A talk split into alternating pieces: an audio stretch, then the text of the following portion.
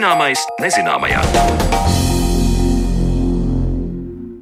Esiet sveicināti skanēt sāk raidījuma zināmais nezināmajā un ar jums kopā Sandra Kropa. Un šodien raidījumā pievērsīsimies latviešu valodai un konkrētāk onomastikai.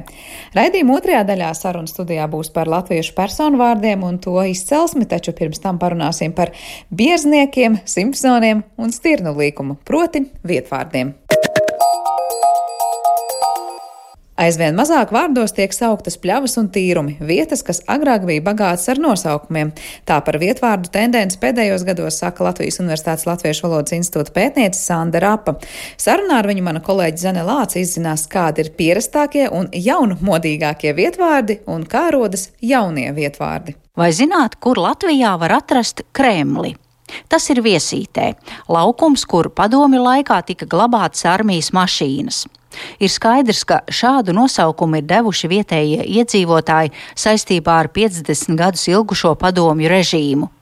Bet skatot, kādi ir populārākie vietvārdi vai konkrētāk mājvārdi, valodnieki ir pārsteigti, ka tie ir cēriņi, un tikai pēc tam seko ozoliņi, bērziņi un citi tik ļoti latvietim ierastie koku nosaukumi māju vai vietu vārdos.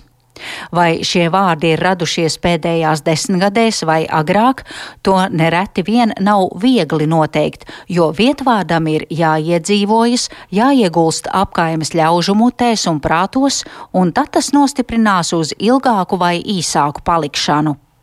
Vairāk par vietvārdu rašanos stāsta Latvijas Universitātes Latviešu valodas institūta direktore un pētniece Sanda Rapa. Jāsaka gan, ka vietvārdu dzimšanas datums ir grūti nosakāms. Lai vārds kļūtu par vietvārdu, tam kādu laiku ir jāapgrozās cilvēku mēlēs un kādu laiku ir jāidentificē vieta.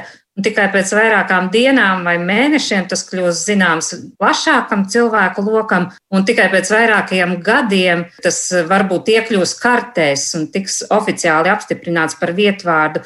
Tā kā pašus jaunākos vietvārdus mēs pat nezinām, lai gan kā vietvārdu ģimenes lokā tie jau pilnvērtīgi funkcionē. Es varētu pastāstīt piemēru no savas dzīves, ko es tiešām zinu, kā vietvārds rodas mājas laukos, kur es braucu gandrīz katru nedēļas nogali, un tuvu pie šī ciema ir tāds līkums, kam, protams, nav vārda, bet vienu reizi pat 30 gadiem man uz šī līkuma pagadījās stirnas. Es tikti satrūkos, un kopš tā laika šo līkumu identificēju ar stirnām. Es saviem mainiekiem stāstu, ka es esmu piemēram tagad pie līkuma, kur es redzēju savulaik stirnas. Un, saprotot, ka šāds apraksts ir sarežģīts, mēs sākām saukt par stirnu līkumu. Tagad, pēc diviem, trim gadiem, es jau jūtu, ka mani tuvinieki to arī sauc par stirnu līkumu. Tātad tas jau ir jau nostiprinājies vietvārds. Ja, piemēram, jūs gribētu, lai oficiāli Latvijas kartē parādās šāds nosaukums, vai vispār tas ir iespējams? Jā, pilnīgi droši. To var, ja tiešām to lieto vairāk cilvēku nekā tikai mūsu ģimenē, Un, ja to jau atpazīst eh, citi ciemi iedzīvotāji, ja mēs to lietosim, tad, protams, atpazīs. Un, ja mēs pateiksim, kurš līkums tas ir, tad jau tas kļūs par pilnīgi oficiālu vietvārdu. Un eh, mēs jau varam paziņot to Latvijas ģeotelpiskās informācijas aģentūrai šo vietvārdu kartēs. Un Latvijas ģeotelpiskās informācijas aģentūra par to ļoti rūpējas un cenšas visus šādus vietvārdus arī kartē iekļaut. Protams, ja mēs karti drukāsim, droši vien tas stirnu līkums nebūs redzams, jo tas ir pārāk maziņš, lai to redzētu. Taču valodas faktu mēs to piefiksējam. Bet turpinājumā Sandra Rapa stāsta, kāpēc šodien izzūd vai neparādās tādi vietvārdi, kā piemēram biksiņu grava, čībiņa kalns, dīvaliņu pļava, cimboliņa akmens vai drāņķupīte. Agrāk mūsu saimniekošanas tradīcijas bija saurupākas, un līdz ar to veidojās ciešas un tādas pārpildītas vietvārdu saliņas. Ap katru sētu pulcējās desmitiem, dažreiz pat ap simtiem vietvārdu. Un tagad, kad daudzas viensētas ir iznīkušas, cilvēki dzīvo ciešāk un vietvārdu veidu samērs ir mainījies. Ir pavisam maz ārvārdu, arvien mazāk vārdos tiek sauktas pļavas, tīrumi, to daļas, kas agrāk bija vienas no vietvārdiem bagātīgākajām teritorijām. Un laukos iezīmēs tendence nosaukt vienā vārdā kādu lielāku geogrāfisku objektu kopumu, lielāku teritoriju ar mežiem, kalniem, pļavām. Piemēram, aizpērn viesītas vietvārdu dienā mēs dzirdējām vārdu kausi. Un, kad prasījām, kas tas ir, viņi teica, ka tā ir teritorija, kur savulaik ir bijušas četras saimniecības, visas ir iznīkušas, bet šo teritoriju joprojām sauc tādā vienā vārdā par kausiem. Un pagājušo gadu vietvārdienā Gaiķa pagastā dzirdējām bieži pieminam vārdu bičkas. Un, kad taujājām, kas tas ir, mums atbildēja, ka tā ir liela Gaiķa pagasta teritorija, pagasta austrumu daļā, kur savulaik bijušas 15 saimniecības, un viena no tām ir bijusi bičkas. Un tā tad veidojas tādi vietvārdu došanas centri, kuri piešķir vietvārdus tādām tālākām teritorijām, kur nekas vairs neatrodas, kuras vajadzētu kaut kā nosaukt. Tā ir tā galvenā tendence. Toties tagad nāk jauni vietvārdi, kuru nosaukums norāda, kas tajā vai citā laikā ir būtisks apkaims cilvēkiem. Tā piemēram, domājams, ka beiža savots Tumes pagastā savu nosaukumu ir ieguvis laikā, kad televīzija demonstrēja ziepju operu Donna Beiža. Vai, piemēram, Talsu pilsētā vienu apgabalu vietējie ir iesaukuši par SpongeBobu, un te nosaukums ņemts no populārās bērniem domātās amerikāņu animācijas filmas Sūklis Bobs. Un tas nav vienīgais jaunlaiku kultūras ienācējs vietvārdu laukā. Mums nesen bija gadījums, kad vietā, kur ir bijušas eh, mājas krauķi, šo bijušo māju vietā grib uzcelt eh, tādu māju kopumu. Pašvaldība, protams, nebūdami ne tiešie cēlēji, ne iemītnieki, viņi izdomā šīs mājas nosaukt tādos ļoti populāros vārdos - kalniņi, rozītes, ceriņi un tā tālāk. Un tad, kad šajās mājās ienāk tās iemītnieks, tad viņš vairs nejūtas ēst ar šo nosaukumu. Latvietim ir tā, lai viņš dot nosaukumu vietai, viņam ir jānostājas uz mājas sliekšņa, jāpaskatās apkārt, jāpaskatās, kas ir apkārtnē raksturīgs, un tad tā vārdā ir vieta jānosauc. Vai arī otrādi jānostājas uz sliekšņa, jāpaskatās, kas mājā iekšā, kas tur dzīvo, un tā jānosauc vieta.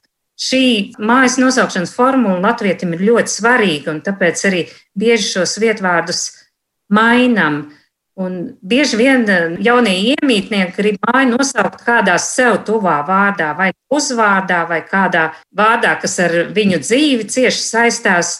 Nu, bieži vien cilvēki izvēlas tādus neparastus nosaukumus. Piemēram, slaveno ceriņu vietā viņi varētu likt nosaukumu rutkumizas Taču gadās arī tādas nesamērības ļaudis grib nosaukt tā ļoti īpaši, un tad viņi izdomā, piemēram, abavas grib nosaukt par Simpsoniem vai e, seno nosaukumu rāti grib nosaukt par Eva 71. Tie ir pavisam konkrēti gadījumi, bet tie nav īsti iedarīgi vietvārdu ainavā, bet to jau pastāstot, tad jau cilvēki saprot. Ir vēl, vēl tāda tendence, ka gadās otrādi, ka kādu senu, nepazīstamu nosaukumu grib aizstāt ar pavisam ierastu vārdu. Visbiežāk tā gadās ar izlokšņu vārdu, piemēram, bierzniekus, kas būtu literāri birznieki. Cilvēki grib nosaukt par birzniekiem, jo veco formu vairs neatpazīst. Taču, ja atstātu šo vārdu bierznieki, tad tādi būtu vienīgie Latvijā un ar to varētu lepoties bet citādi birznieki ir aptuveni 200. Laba sakritība, ka es arī šajās dienās veidoju raidījumu par īrlāvu. Un, uh, ir ļoti biezā grāmatā apkopoti īrlavas apkaimes gan vietvārdi, gan mājvārdi. Un tur valodniece Janīna Kursīte priekšvārdā raksta tā, ka tur ir runāts par padomju laiku līvānu mājām, kas ir uzceltas Irlavā. Un tie nosaukumi tur ir bērziņi, vāverītes, ķirši, veldzes. Taču šie nu, jaunie vārdi nav tik labskanīgi un nav tik, ja tā var teikt, garšīgi, kā piemēram prūši, vakas, suntuļi, ģibas. Vai jūs arī esat skatījusies, kā pēdējā 40, 50 gadu vēsture ir ietekmējusi vietvārdus? Tie nav pašu iemītnieku dotie, un tāpēc tie ir neinteresanti. Vietvārds jau ir tāds, kas eh, ienāk līdz ar iemītnieku un apviļājas šajās mājās un tiek izrunāts citādi. Laika gaitā pārmainās gan galotnes, gan formas, Bieži vien pat pēc eh, vairākiem gadiem vai gadu desmitiem mēs pat nevaram atpazīt, kas šajā vārdā ir bijis un kāda šī motivācija ir bijusi. Bet jā, tie neinteresantie nosaukumi patiešām ir tieši jaunu laiku devumi, bet tie nav individuāli devumi, tie ir tādi piešķirti vietvārdi, nevis tādi dabiski. To jau mēs arī redzam agrākajos kolhozu nosaukumos, kas īstenībā arī bija vietvārdi. Viņas jau kolhoziem bija sava teritorija, un tad šīs visas teritorijas sauca piešķirtajos vārdos, piemēram, rītausma, zelta druva, zelta zvaigzne, ziets. Bet ikdienā jau cilvēki tās teritorijas nemaz tā nesauc. Mums arī bija Raina kolhos, mēs saucām vienkārši par Rainīti šo visu teritoriju. Grūti ir pateikt, kurš vietvārds gadiem ejot paliks un nostiprināsies, un kurš izzudīs. Jo skatot Sandas Raps atsūtīto sarakstu ar vietvārdiem, lasu, ka reiz ir bijusi viena sēta ar nosaukumu Kazmīzas, bet saimnieks lapskaņas dēļ nosaukumu mainīs no Kazmīzām uz Kalniņiem. Par vietvārdiem jaunāko laiku vēsturē stāstīja Latvijas Universitātes Latviešu valodas institūta direktora un pētniece Sandra Rāpa, un ar viņu sazinājās mana kolēģe Zane Lāce. Bet par personu vārdiem un to izcelsmi mēs parunāsim raidījuma turpinājumā.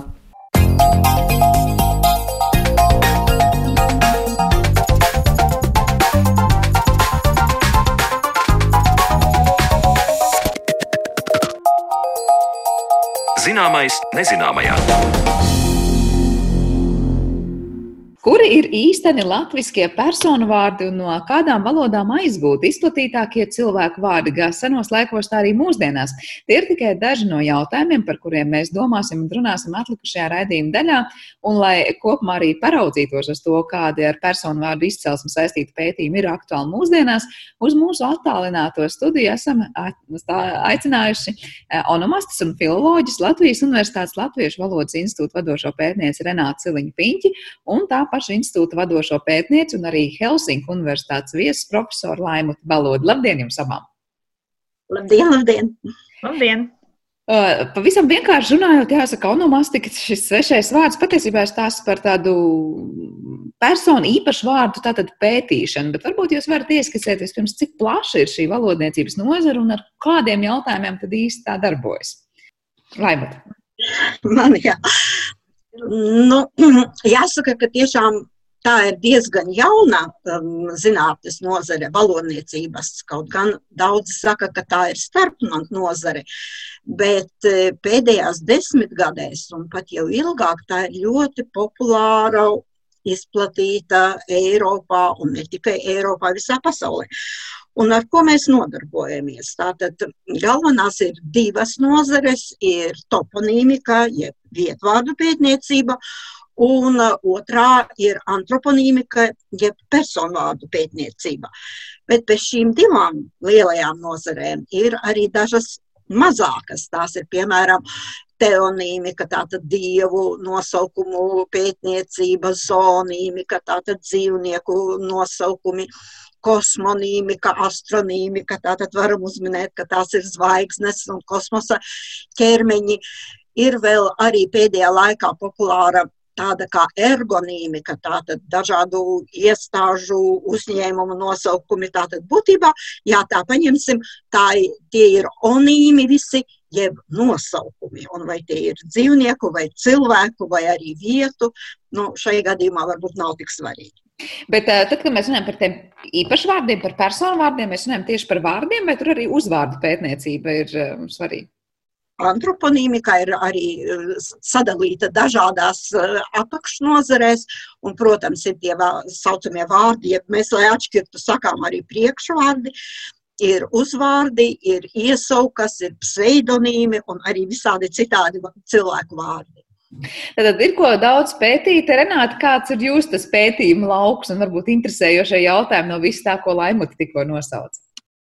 Nu, mans uh, galvenais pētījuma lauks ir uh, personu vārdi, Un jau no sākta gala man ir interesējuši senāki laiki, Tāpēc vienmēr esmu centusies ieskatīties personu vārdu vēsturē, tajā, kāpēc mums ir tādi vārdi, kad viņi ir radušies, kāpēc ir tieši tādi un nevis citi, un kā viņi laika gaitā ir mainījušies un kādi ir izzuduši un līdz mūsdienām nav nonākuši.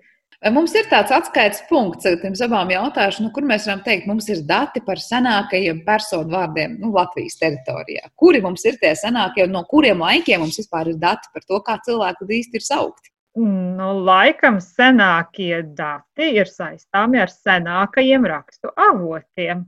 Un tās būs uh, galvenokārt kronikas, kurās ir pieminēti seno mastautu, proti latgaļu, arī lībiešu, zemgaļu valdnieki, vecākie dažādi cilšu, nu, tā, tie, tās personas, kurām kroniku uh, rakstītāji saskarās un kuras viņiem bija gana svarīgas, lai savā attiecībās un savā pasaules aprakstā viņas pieminētu. Un uh, es domāju, ka tos zināmākos vārdus jau arī varētu nosaukt jebkurš uh, mūsdienu latvietis.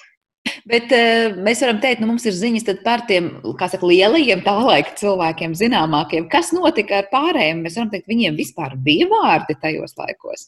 Noteikti vārdi tajā laikā noteikti bija visiem cilvēkiem, bet kā viņus sauc, diemžēl to mēs pateikt nevaram. Vienīgais var mēģināt izteikt minējumus, salīdzinot ar to, ko mēs zinām par kaimiņu tautu vārdiem, kuriem šī rakstiskā mm, tradīcija ir senāka, kuriem ir vairāk avoti, kuros ir teikts, kā varbūt sauca pirmkristīgajā laikā uh, cilvēkus.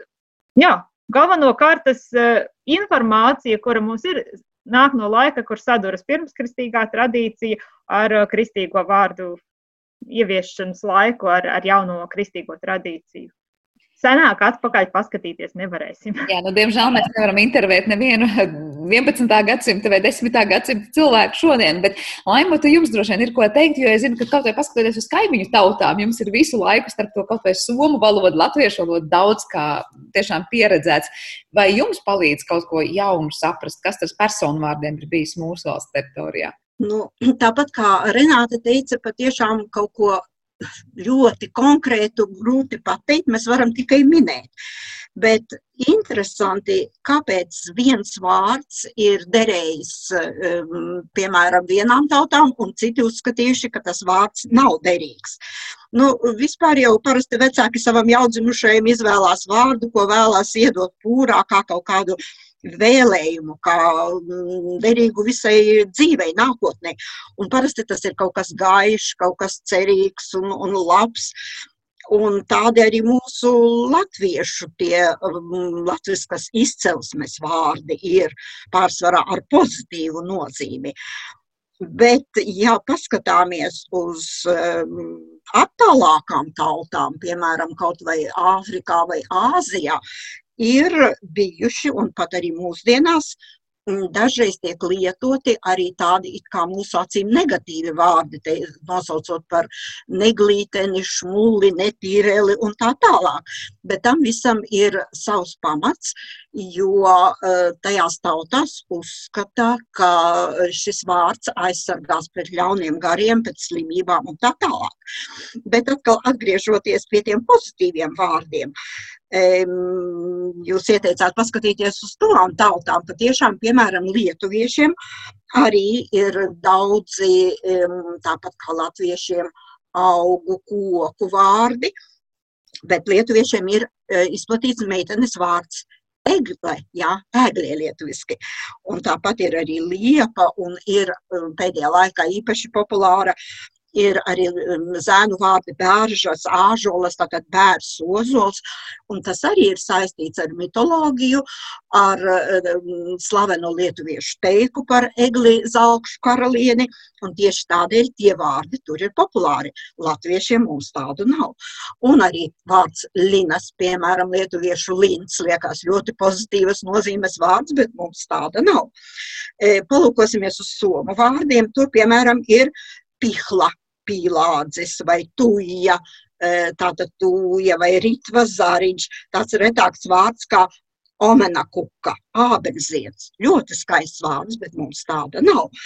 Vēl, piemēram, mūsu acīm skatoties dīvaini, kad mm, somi bērnu nosauc Sisko, māsa vai veli, brālis. Dažreiz tas ir kā otrs vārds, bet dažreiz pat kā pirmais. Un tas ir pilnīgi pieņemami. Atkal salīdzinot mūsu tās tradīcijas, liekas kaut kas dīvains. Mm, arī e, dzimtes izvēle, piemēram, somiem onni, e, ar nozīmi laime, ir vīriešu dzimtes vārds, nevis sieviešu. Vai toivo, cerība, arī ir vīriešu dzimtes vārds. Nu, katrā ziņā um, vēl no tādām dīvainībām šajā gadā, tas ir jau nu, pat pagājušajā gadā, Lietuvā ir reģistrēts zēna vārds Luciferis, tātad Lucifers, kas atkal mūsu kristīgajā izpratnē liekas nu, šausmīgi, mums tas ir kā vēlna sinonīms. Bet, ja paskatīsimies etimologiski, luks ir gaisma un ferro nesu latiņu valodā, tātad gaismas nesējs. Un, un tas vārds patiešām ir reģistrēts. Esmu lasījusi, ka arī Krievijā tāds vārds ir reģistrēts, bet tas ir kā liels izņēmums.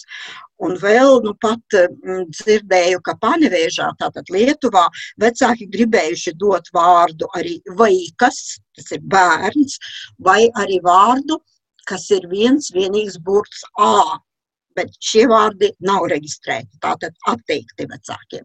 Nu, tās ir tādas drusku mūsu acīm skatoties um, dīvainības. Jā, par šīm dīvainībām mēs, protams, daudz varam runāt, bet tas, ko jūs piesaucāt, kas ir interesanti, nu, kāpēc tiešām tik izteikti Lietuvā par eglēm un bērziem un saulēm un daudz ko tiešām joprojām populāri vārdi, bet pie mums nu, izteikti tādu nav. Nav tā, ka pat ļoti, ļoti maz un tomēr sastopam, nu nav mums saule un egle, vai ne, kā populārs vārds Latvijā. Kā jūs abas skaidrotu, kāpēc tepat kaimiņu tautā, kur varbūt tiešām nu, vēsturiski esam, protams, ar saviem līkločiem, katrs citādāk, mazliet citos laikos dzīvojuši, un tomēr lielās līnijās sakam brāļu tautu un tomēr esam līdzīgi? Mm. Nu, laikam tas gluži nebūs tas, kur es varēšu ko pateikt par mūsdienām un par to motivāciju, kāpēc meklē tādu vai citu vārdu izvēlās.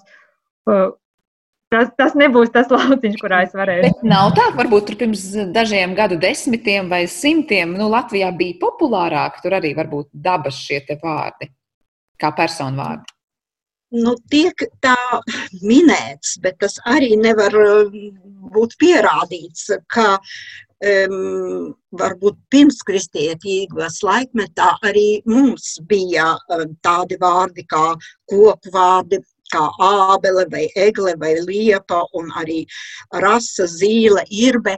Tā ir minējis arī mm, Klaus Ciliņš savā personvārdu vārnīcā, ka latvieši saviem bērniem ir devuši putnu vai puķu vārdus un ka tā bijusi mm, radniecība it kā ar kokiem, kuros mm, mūsu mm, priekšteči vai viņu dvēseles ir iemiesojušās, ir tādi minējumi. Uh, mēģina skaidrot arī ar uh, tautas dziesmām, kur viens otru uzrunā par magonīti, par brūklenīti, par, par ieviņu un tā tālāk ka tas varētu būt arī saistīts ar personvārdiem, bet patiešām to tā stingri pateikt, zinātniski motivēt mēs nevaram. Kas ir tad, varbūt, Renātai jautājums, tādi izteikti latviešu izcelsmes personu vārdi, par kuriem mums noteikti ir ziņas, mēs varam teikt, tas ir tepat vietējais vārds un eh, vairāk latviskāk, kā saka, nevar. Nu, tas, tad tie vārdi uzreiz jāiedala tā kā no nu, divām perspektīvām. Vieni tad ir tie vārdi, ja mēs skatāmies, kuri mums ir tie latviskie vārdi, kur ir tajās senajās kronikās, ko es sākumā minēju, un tie tad ir tie valdnieku virssaišu vārdi, kuri daži, um, nu nevis, teiksim, nav saglabājušies līdz mūsdienām, bet kuri uh, ar, līdz ar jaunatviešiem, līdz ar nacionālo atmodu ir no jauna atzimuši, un cilvēki sākuši izvēlēties arī um, nacionālā romantisma laikā, 20. un 30. gados, piemēram, tas pats Bisvaldis ir viens no populārākajiem šādiem vārdiem. Uh, tālu valdes krietni reti. Nu, šie, šie divdaļīgie vārdi ar valdīt, kuru iekšā ir tā senā valdnieku, kur ir tie senie valdnieku vārdi, kuros šī, šī nozīme parādās ar, valdī, ar valdīšanu, ar varu.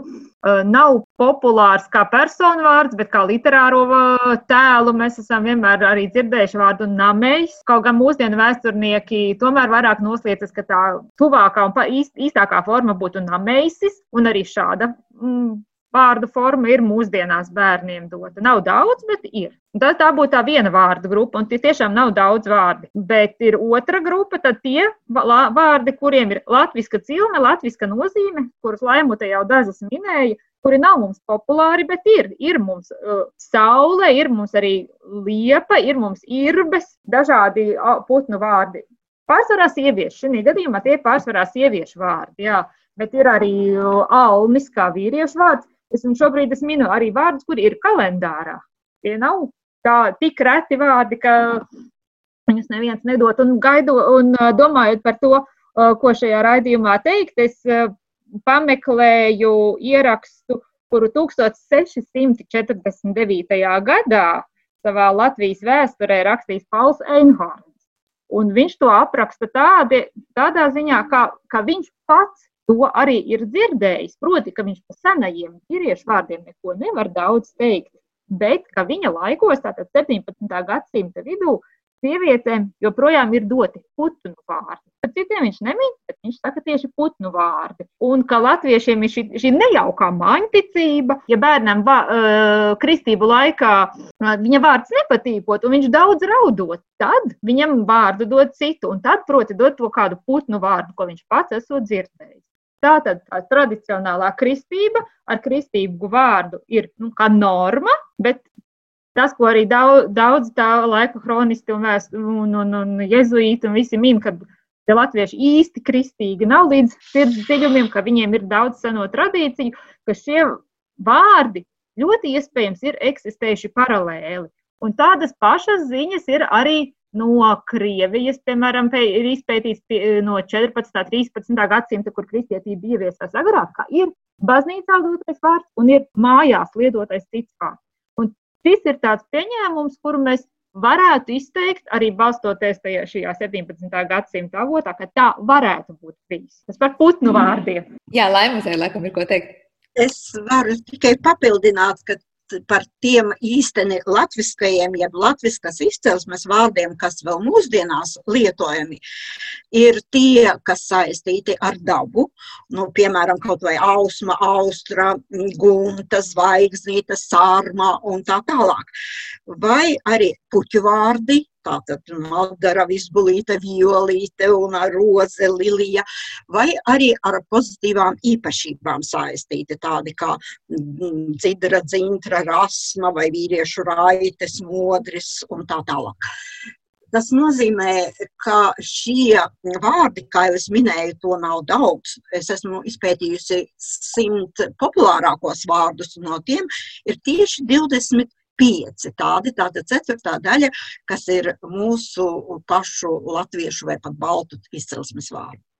Ja mēs runājam par tiem populārākajiem, nu, prātā nāk, protams, ja par vīriešu vārdu, tad Jānis, un mēs vienmēr sakām, nu, tāds latviešu vārds, un, protams, ka es domāju, ka gan jau ka katram ir skaidrs, ka, nu, nav tas latviešu izcelsmes vārds. Vai jūs varat pastāstīt, nu, piemēram, par Jāņa vārdu izcelsmi? Kur, kā saka, kā aizsauk šim vārdam?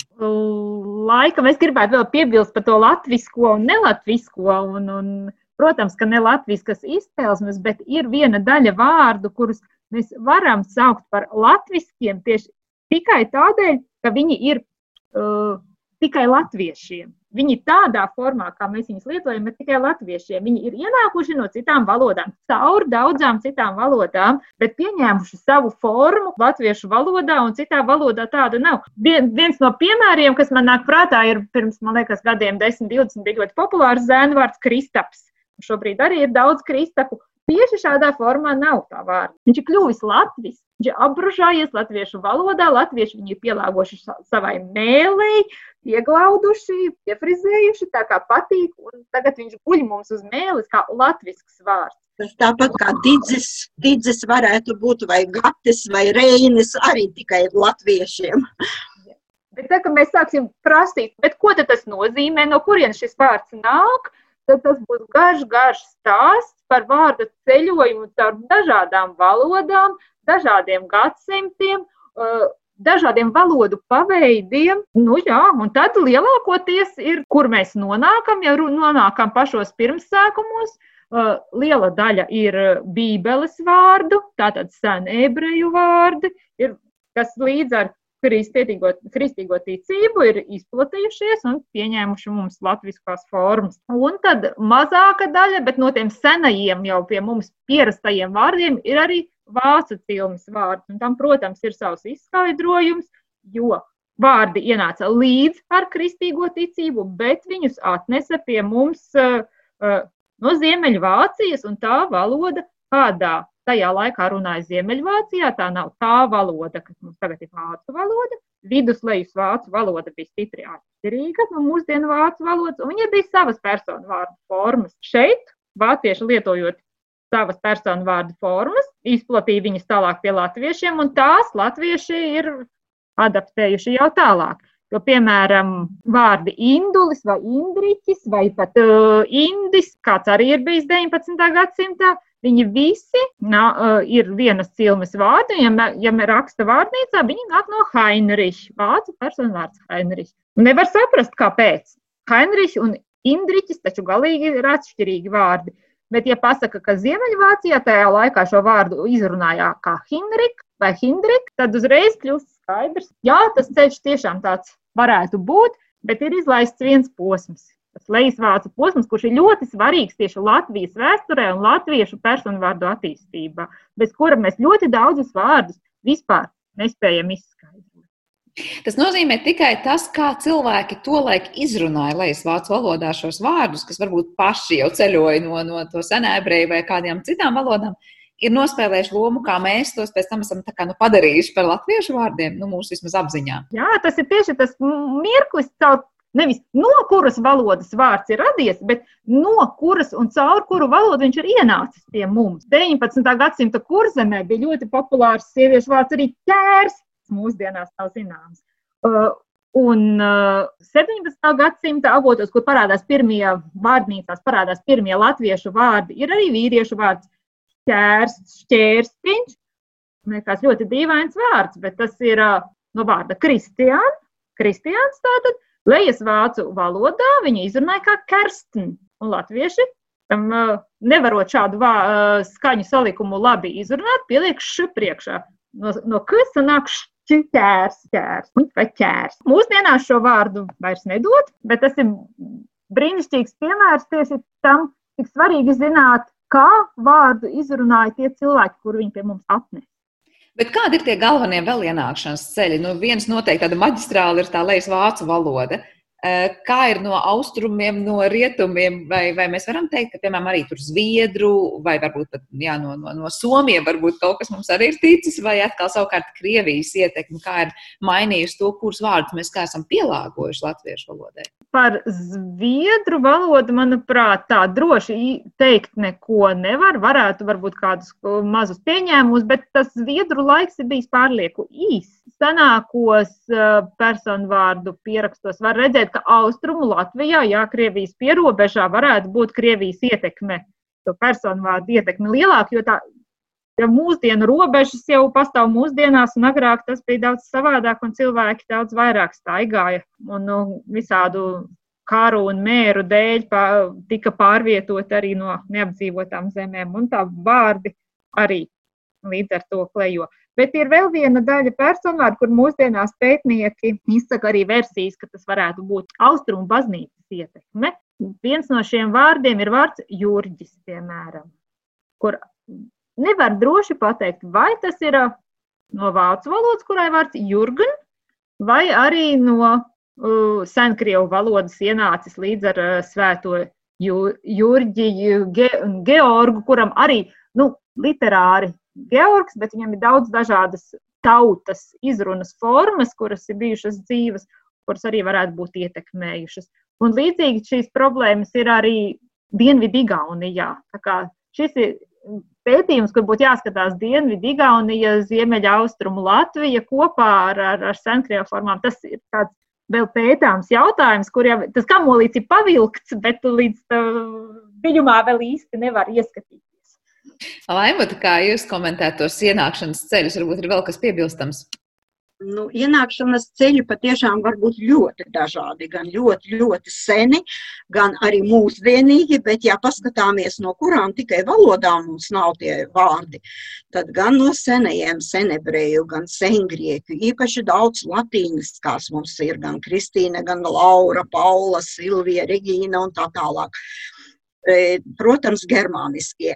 E, un e, te jau minēja um, Renāte tos germāniskos, kurus mēs varam ļoti labi atpazīt, bet arī tādi, kas e, onomastikā saucami par hipokoristikām, pārumai dotiem saīsinātajiem vārdiem, gan, gan gatis, ingus vai didzes vai reinis. Par senskandināviem parasti min tādus vārdus kā Inga, Ingrīda vai Ivars un Gunārs. Nedaudz mums ir franču izcelsmes vārdu. Min parasti elitu, armandu, angļu, jeb pat keltu cilmes vārdi kā Edmunds vai Artūrs, nu un, protams, slāviskie. Bet slāviskie mums var būt ienākuši no daž dažādām, ne tikai no Krievu, Baltkrievu, bet arī no Poļu, īpaši Latgalē, kur daudz ir gan Boļaslavi, gan Broņislavi un, un visdažādākie. Bet, ja paskatāmies uz šiem vārdiem, no um, semantiskā viedokļa, tad arī interesanti, ka meiteņu vārdiem arī aizgūtajiem lielākoties ir ļoti pozitīvas nozīmes. Gan nevainīgā, izciltīgā, dārgā, skaidrā, mirdzošā un tā tālāk. Bet zēniem atkal atšķirīgi.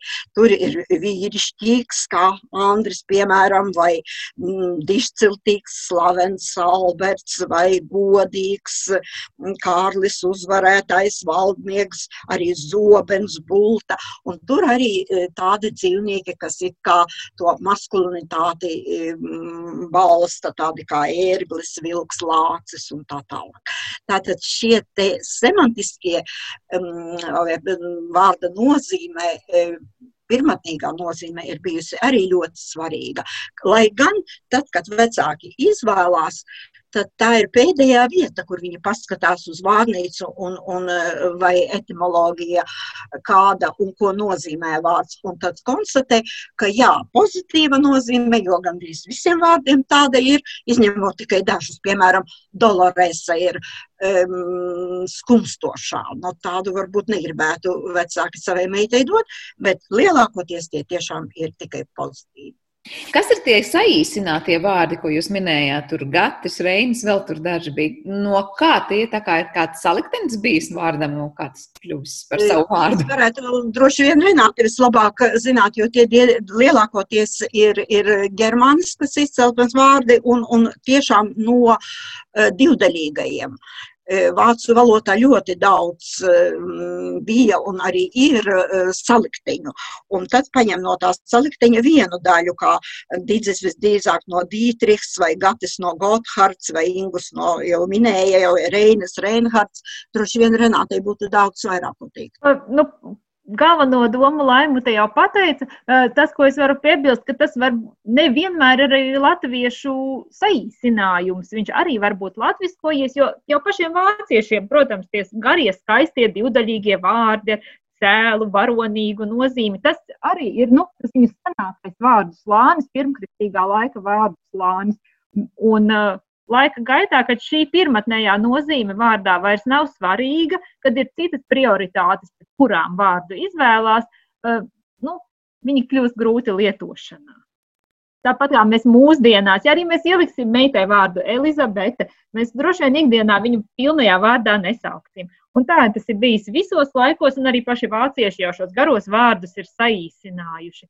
Un no tāda Dītriha dīts vai ķīts jau bija pašiem vāciešiem, un liela daļa arī šo formu ir adaptējušās pa tiem pašiem mūsu, mūsu digiem. Vai mums ir, jā, mēs noslēgumā pamazām šo sarunu jau, jau vadot, eh, varam teikt, ka ir tādi vārdi, kas, nu, jau manas piesauktais Jānis, kaut vai kā piemērs, kas ir, var teikt, nu, katrā tautā savā versijā, tuvāk vai tālāk no mums dzirdētās, un tomēr ir tādi, nu, nu starptautiskie vārdi, kas teju katrā valodā ir sastopami, jo liekas tiešām, kur Jānis, tur Jonas, tur pat grieķiem Jannis, kas skan tik ļoti tuvu mūsu Jānim.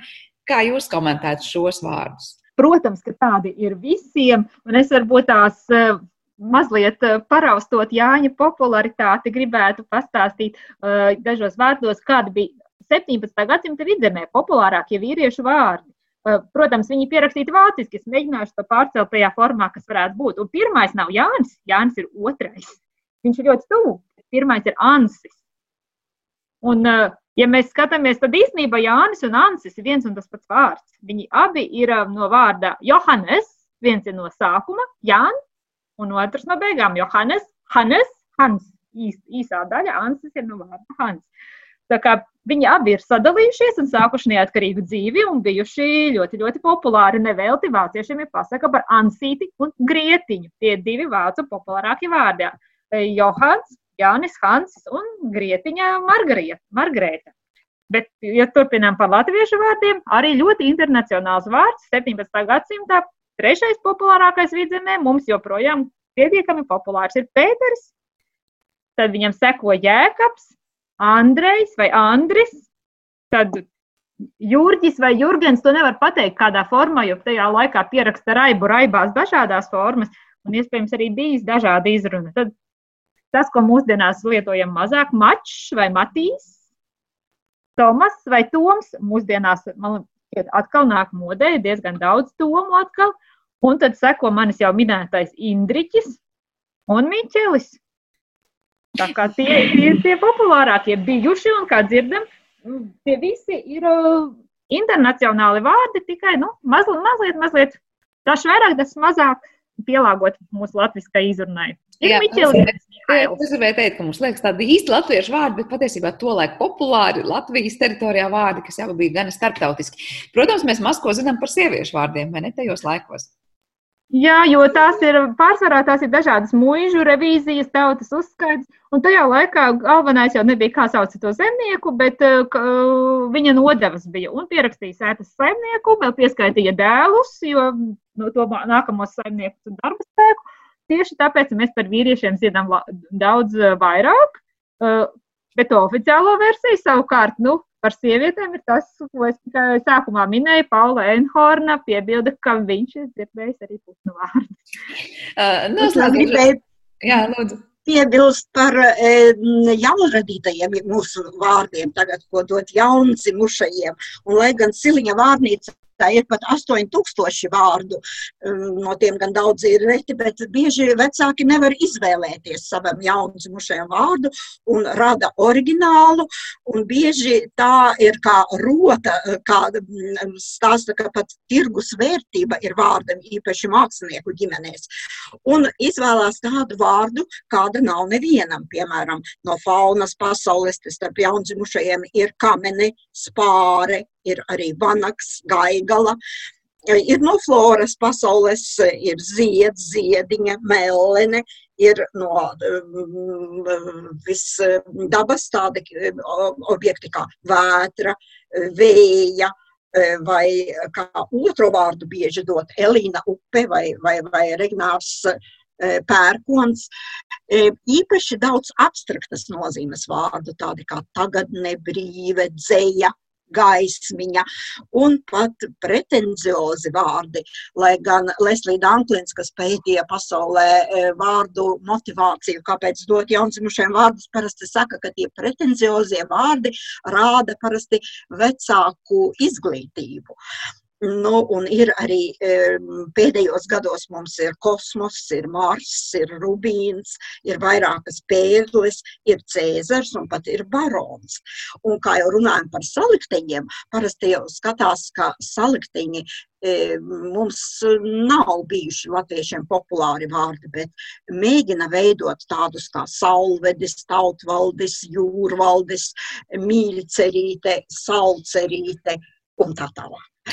Jā, nu izklausās, ka par valdīšanu un valdiem ir ļoti izteikti mīlestība latviešu vārdu darināšanā bijusi, bet mums, diemžēl, ir jāliek punkts šai sarunai, lai gan ieskatoties pagājušajā un aizpagājušajā gadā populārāko jaundzimušo vārdu kategorijā, jāstāsta, tur daudz ir Emīlijas, Amēlijas, Martas un daudz citu starptautiski vārdi, kur pa vidu atkal iespējams ir. Atgriežās vecmāmiņu vārdi, tas ir vienmēr raksturīgi. Tātad pa paudzēm skatoties, mums tiešām ir ko interesants teikt. Nu, ko teikšu jums lielu paldies par tādu mazu, mazu ieskicējumu tajā, kas notiek personu vārdu pētniecības lauciņā un cik interesanti ir tiešām mūsu katru vārdu vēstures ceļš, kāds līdz mums nonāca. Atgādināšu klausītājiem, ka mūsu attālinātajā studijā šodien viesojās filoloģis, tātad Latvijas Universitātes Latviešu valodas institūta vadošā pētniece Renāta Siliņa Piņķa un tā paša institūta vadošā pētniece, kā arī Helsinku Universitātes viesprofesora Laimata Baloda.